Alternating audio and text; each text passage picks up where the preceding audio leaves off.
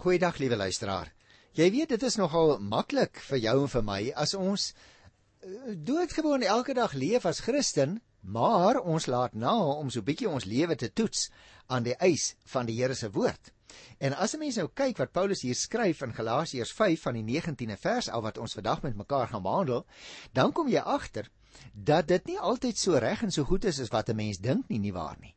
Want as ek nou byvoorbeeld kyk na die praktyke wat Paulus noem die praktyke van die sondige natuur hier in vers 19.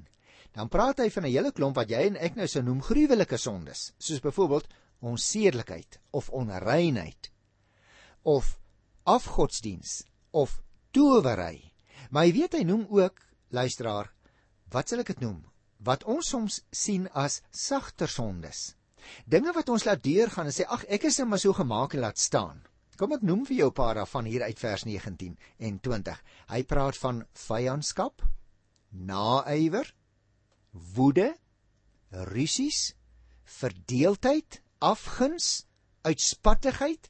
So jy sien, dit is nodig dat jy en ek die Bybel nie net lees nie, maar dit bestudeer dat ons ons eie lewens toets die praktyk van ons eie lewens is dit in ooreenstemming met wat die Here van ons verwag Daarom is dit goed om 'n slaggie die praktyke van die sondige natuur hier in Galasiërs 5 van vers 19 af te lees.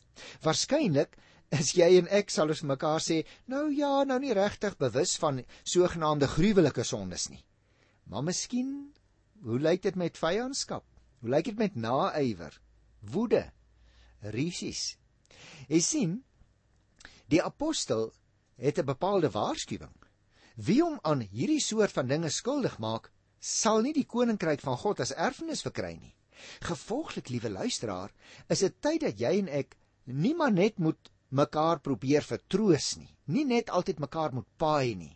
Want jy sien, as ons rondom ons kyk, selfs in die kerk en in ons land, dan sien ons sommige van hierdie praktyke van die sondige natuur waarteen die apostel hier waarsku. En hierdie dinge is simptome van die ontsettende stryd tussen die magte van die hel en die gees van God wat in ons woon. Die verskriklike is natuurlik dat die leermag van die koning verswak word as gevolg van die ongehoorsaamheid van die kinders van die Here. Dat die stryd aan die gang is, liewe luisteraar, dit lê geen twyfel nie. Dat jy en ek innerlik en ongelukkig soms ook uiterlik in 'n staat van oorlog verkeer, is ook waar. En daarom Christus gelowige mens, jy en ek leef in die oorlog en daarom moet ons so bedag wees op hierdie ou dinge uit ons ou onbekeerde lewe wat weer na vore gestoot kan word. Daarom is dit juist so belangrik, luisteraars, dat ons sal oplet ook van vers 24 af. Ek gaan nou nou uh oor daardie gedeelte praat tot by vers 26 waar die apostel sê lewe deur die gees. Hy sê die wat aan Christus behoort, het hulle sondige natuur met al sy hartstogte en begeertes gekruisig. Daar lê dit, liewe luisteraar, vir jou vir my begrafnis agter ons. Die hoenderkuiken lewe wat net op die werf begin en ook daar eindig, kan vir altyd verby wees. Want jy sien die gees van die Here wil jou en vir my, hy wil ons jeug nuut maak soos die van 'n arend. Hy wil ons bol seil voor die krag van sy gees laat uitvaar. Die hartseer ding is natuurlik dat jy en ek dikwels te klein oor die Here dink, liewe luisteraar. Wat sê jy byvoorbeeld van iemand wat op die see gaan seil, maar dan span hy 'n sakdoek aan die maspaal? nee, natuurlik sou ons sê, daai ou is heeltemal gek. Hy sal nooit van die oewer af wegkom nie. Hy moet bol seil voor die krag van die wind wat hom wil stoot, uitwaai. En daarom interessant, die die 18de vers van ons gedeelte vandag sê ons moet ons deur die Gees laat lei. En dan voeg hy 25ste vers by: Ons lewe deur die Gees. Laat die Gees nou ook ons gedrag bepaal. Dit gaan dus, liewe luisteraar, om 'n totaal nuwe lewenswyse. 'n Voortgaande lewe deur die Gees. Dis soos 'n herder wat sy kudde laat wy. 'n Stroom wat aanhou vloei. Die wind wat die seilboot bly waai. Die arend op die bries van die wind dan begin 'n mens eers verstaan wat vryheid is. Dan begin jy iets van die oorwinning in die oorlog belewe. Dan leef jy deur die Gees, soos die apostel sê ons behoort te doen. Iemand wat dus 'n visie gekry het van hoe die lewe lyk om deur die Gees van die Here beheer te word, daardie persoon se lewe verander geheel en al. Dan kan jy nie meer maar net tussen die hoenderkuikens daar op die werf wil bly rond pik pik pik agter die mieliepitte aan nie. Want die droom van die Here trek vir jou en vir my vorentoe. Nie dat jy nie meer in die wêreld is nie, hoor. Jy moet volgens Kolossense 3 vers 1 strewe na die dinge wat daarbo is. Maar net nie soos die ou tannie wat boontoe gekyk het. So in 'n droomwêreld geleef het en so val sy in 'n sloot. nee, liewe luisteraar, ons moet baie realisties wees. Die gees van die Here woon in ons. Hy wil ons elke oomblik lei en leer. Hy wil ons nie dwing nie. Hy wil ons die Christelike lewe in liefde laat leef en laat demonstreer elke dag. En daarom Christen, mag ek vir jou vra, lewe jy in vryheid? Of wat is jy besig om met jou vryheid te doen? Dien jy regtig ander mense daarmee? Wie voer die heerskappy in jou en in my lewe? Is dit die Heilige Gees of die sondige natuur? Is dit net soms so dat jy en ek ons deur die Heilige Gees laat lei? Of of het dit al regtig by jou by my 'n lewenswyse geword? En daarom wil ek so graag met jou gesels hier van die 19de vers af in Galasiërs 5, want dit is baie baie praktiese goed waaroor dit hier gaan. 19de vers sê die praktyke van die sondige natuur is algemeen bekend. Nou wil ek hê jy en ek moet ons so 'n bietjie toets hier aan as ons dit nou lees uit die Bybel. Onsedelikheid, onreinheid, losbandigheid, afgodsdiens, towery, vyandskap, haat, naaiwer, woede, rusies, verdeeldheid, skeuring, afguns, dronkenskap, uitspattigheid en al hierdie soort dinge. Met ander woorde die apostel noem sommer hier 'n hele klomp goed in hierdie vers. En ons moet 'n bietjie met mekaar daaroor praat, anders gaan dit by ons verby. Want jy sien, ons het almal van nature slegte en verkeerde begeertes. En ons kan nie maar net ignoreer nie, hoor. Om jou lewe deur die Gees te laat lei beteken dat jy doelbewus beplan om die praktyke van jou sondige natuur te probeer vermy. Dat jy jou sondige natuur met al sy hartstogte en begeertes kruisig, soos ons ook in die 24ste vers van Hoofstuk 5 lees. As jy 'n skouer ophaal houding oor jou sondes het, liewe luisteraar, dan moet jy die laaste woorde van vers 21 ter harte neem. Paulus sê afguns, dronkenskap en hy noem so 'n paar goed sê hy ek waarsku julle soos ek julle al vroeër gewaarsku het. Wie hom aan sulke dinge skuldig maak, sal nie die koninkryk van God as erfenis verkry nie. So dit is nie maar 'n ligte saakie om te sê ag nou ja, ek is nou maar so gemaak en laat staan. Ek kan nou nie regtig veel daaraan doen nie. Ek is nou maar so. Julle moet my nou maar so aanvaar. Nee, liewe luisteraar, dit is nie wat die Bybel vir ons sê nie. So teenoor hierdie praktyke van die sondige natuur wat hier van vers 19 afgenoem word, kom die apostel nou en dan stel hy van vers 22 af die vrug van die Gees. Met ander woorde, as jy en ek ons lewe laat regeer deur die Heilige Gees, dan lyk ons lewens heeltemal anders. Kom ek lees vers 22 en 23. Die vrug van die Gees daarin is liefde, vreugde, vrede, geduld, vriendelikheid, goedhartigheid, getrouheid, nederigheid en selfbeheersing. Teen sulke dinge het die wet niks nie. Nou moet jy oplet, liewe luisteraar, die apostel praat van die vrug van die Gees in die enkelvoud. Bedoelende ek kan nou nie maar sê ag ek is redelik vriendelik, maar ek is nou nie so geduldig nie. Of ek het redelike selfbeheersing oor myself, maar ek is nie vreeslik goedhartig nie. Dit is nie dat jy en ek kan kies watter faset van die vrug van die Heilige Gees daar ons teenwoordig moet wees nie. As ek 'n beeld mag gebruik, dit is soos die skyfies van 'n lemoen. As jy daarna kyk, vertoon elkeen van daardie skyfie nie net dat hy 'n een eenheid is nie. Maar so is dit met die vrug van die Gees, met die verskillende fasette van die vrug van die Gees. Ek wil amper vir jou sê die veelkantigheid van die vrug van die Heilige Gees. In my lewe moet dit wees en vreugde, en vrede, en geduld, en vriendelikheid, en getrouheid. Met ander woorde, die volle vrug van die Gees moet van tyd tot tyd in my lewe na vore kom en gesien word. Natuurlik is dit so Elke mens laat maar toe dat sy lewe deur iemand of iets beheer word van tyd tot tyd. As die wet jou lewe beheers, dan staan jy reeds veroordeel omdat jy nie in staat is om dit te onderhou nie. Paulus het 'n hele klomp keer in sy brief aan die Galasiërs nou al daaroor gepraat. As jou sondige natuur jou lewe beheers, dan word jy deur jou eie boosheid vernietig uiteindelik. As jou lewe egter deur die Gees van God beheer word, dan blyk dit uit die vrug wat die Gees in jou lewe dra. Smeek die Here elke dag. Bid dit hom, liewe luisteraar, om die sensitiwiteit te kan ontwikkel sodat jy die leiding van sy Gees in jou lewe kan gehoorsaam. Dan gaan die vrug as dit ware outomaties na vore kom. Die vrug is nie iets waarna ek soek nie. Waarna ek soek en waartoe ek 'n verantwoordelikheid het, is die leiding van die Heilige Gees in my lewe. Dan sal die vrug as dit ware van self van self kom. Sorg, liewe luisteraar, dat jy erns maak met wat Paulus sê, want so weet jy en ek hoe en ook waarheen die Bybel ons lei. Die gees van die Here veroorsaak natuurlik dat hierdie verskillende fasette van die vrug in ons lewens eintlik daagliks na vore kom. En nou is daar net een manier om die vrug van die gees in jou lewe te dra en dit is volgens Johannes 15 vers 4 vers 5 deur een te wees met Christus.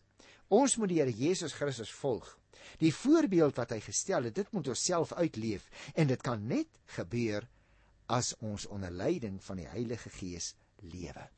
Daarom liewe luisteraars, dit is sulke geweldige praktiese, maar ook terselfdertyd geweldig wonderlike goed wat Paulus hier skrywe teen die einde van Galasiërs 5. 'n Mens kan nie anders nie as om in ootmoed voor die Here te buig as jy net sien hoe ver jou lewe regtig tekortskiet. As jy agterkom hoe ver pad jy en ek dikwels nog moet loop, want ons luister nie. En as ons luister, dan gee ons nie, mag ek die beeld gebruik, dan gee ons nie die stuurwiel van ons lewe oor in die hande van die Heilige Gees nie. Want hoe meer hy ons lewe beheer, hoe meer en hoe duideliker word die vrug van die Heilige Gees in ons lewe gesien. Daarom moet ons nie in die eerste plek strewe na die vrug nie, maar ons moet in gehoorsaamheid ons lewens se stuurwiel in die hande van die Heilige Gees gee. Dan sal ons nooit doen wat teen die wil van die Here is nie. Kom ons gaan so 'n bietjie verder en dan kyk ons na die 24ste versie. Hierso skrywe Paulus: Die wat aan Christus Jesus behoort, het hulle sondige natuur met al sy hartstogte en begeertes gekruisig. Ag, is dit nie wonderlik nie dat die apostel so met ons praat. Dat hy vir ons sê, hoor hierso, broer, hoor hierso suster, daar lê 'n begrafnis agter jou. Ons hartstogte en ons begeertes is gekruisig, al daai dinge wat uit die ou natuur voortdurend na vore wil kom. Ons leef nou 'n nuwe lewe. Jy sien liewe luisteraar, om aan die Here Jesus Christus te behoort, beteken nie dat jou sondige natuur met al sy hartstogte en begeertes van self dood is nie. Inteendeel, jy ontvang die opdrag om bewustelik jou sondige natuur dood te maak. Om te sê maar ek keer my rug op my ou lewe. My sondige natuur gaan ongelukkig nie egter dadelik dood nie hoor. Maar die sterwensproses duur voort totdat ook uiteindelik my liggaam sterwe. Eers dan kry jy die reg om volledig vry van ons sondige natuur te lewe elke dag in diens van die Here. Intussen, intussen moet jy en ek voortgaan met die geveg hoor, die geveg teen ons sondige natuur. Dit is nie altyd iets waarvoor ons lus is nie. Dis nie altyd iets waarvan ons hou nie.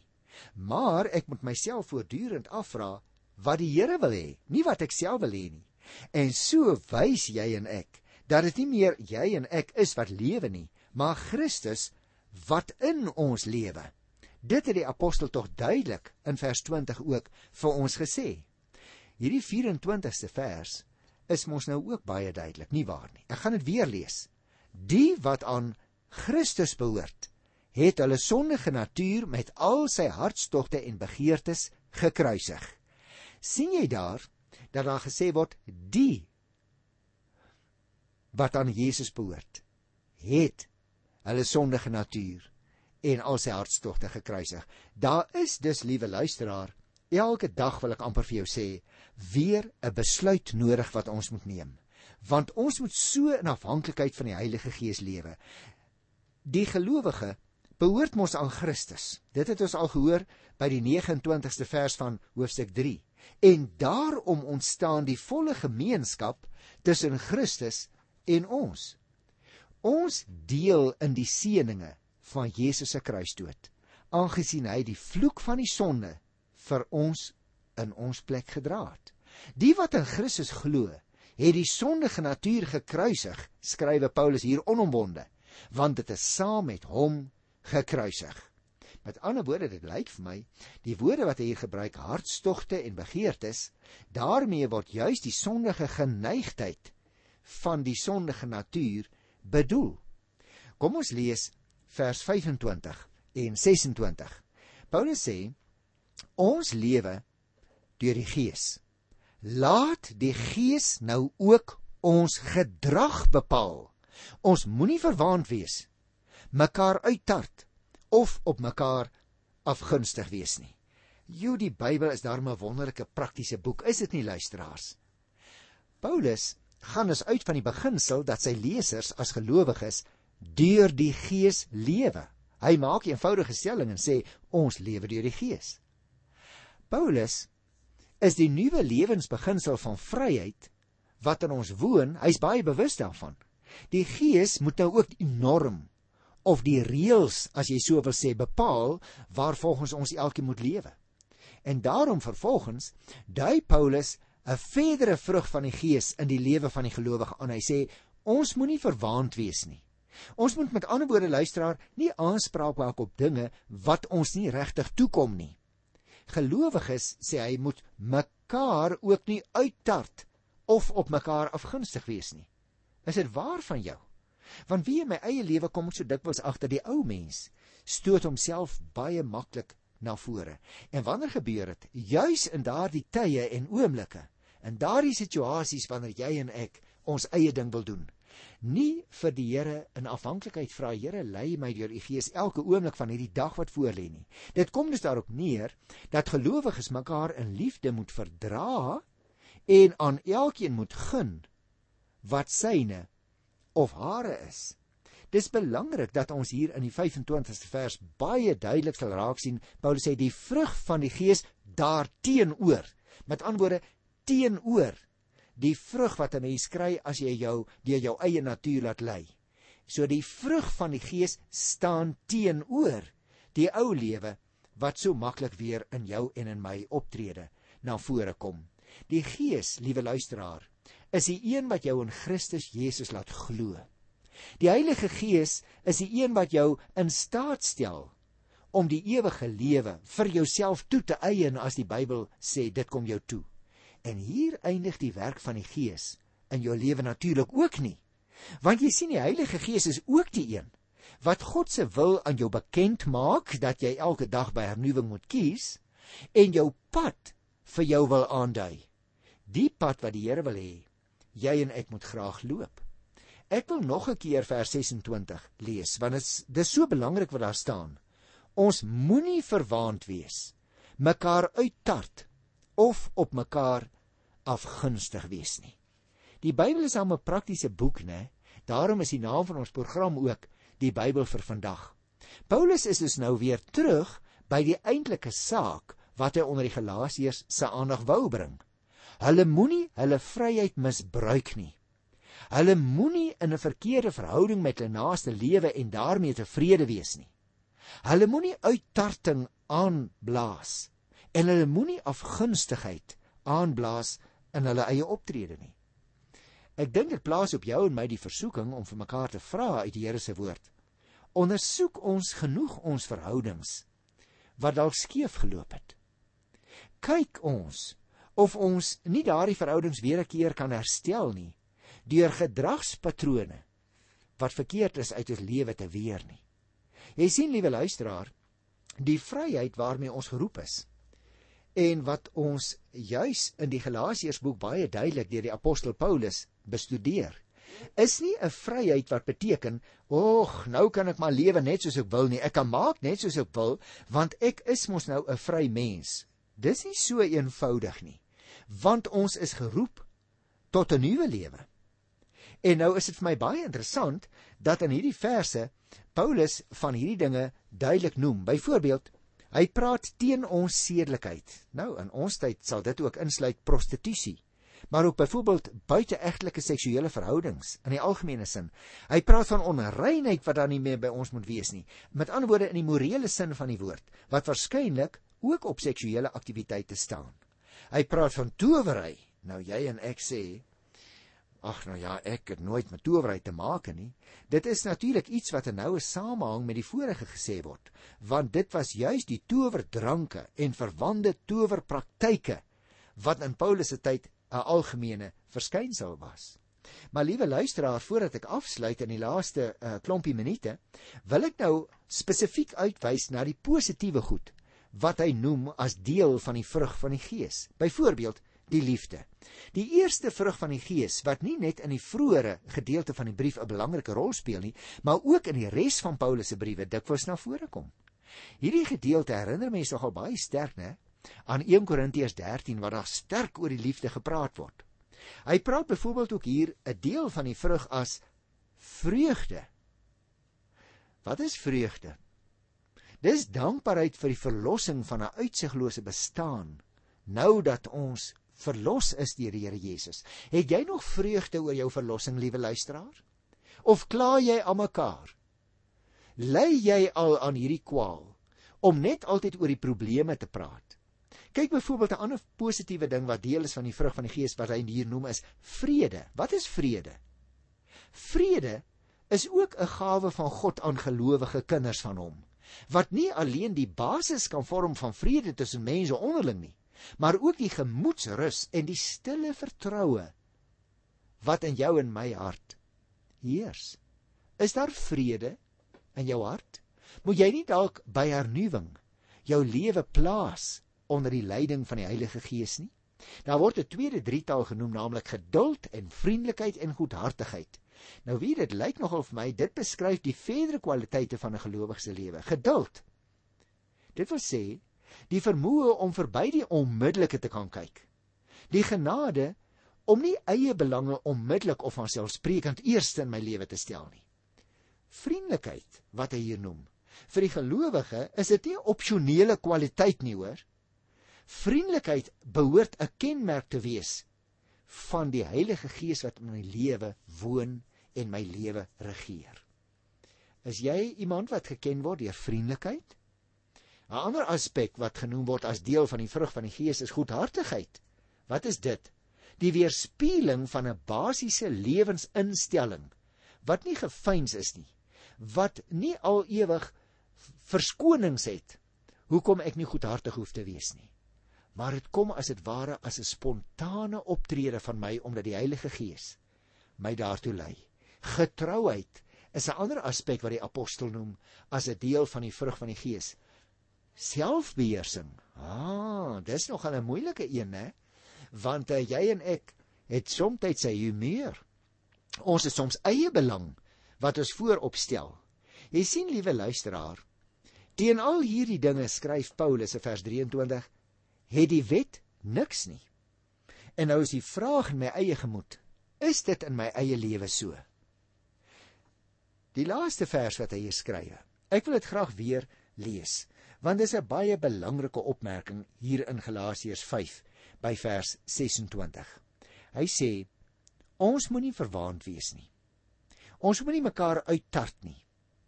Ons moenie op mekaar afgunstig wees nie. Wonderlik dat die Bybel oor sulke praktiese goed praat. Mag ek vir jou 'n vraag vra? Want dit is lyk dit my wat die Bybel ook aan my vra in hierdie program. Wanneer laas het ek vir die Heilige Gees gesê: Gees van God, beheer asseblief my hele lewe. Ek groet jou liewe luisteraar in die wonderlike naam van ons Here tot volgende keer. Tot dan. Totsiens.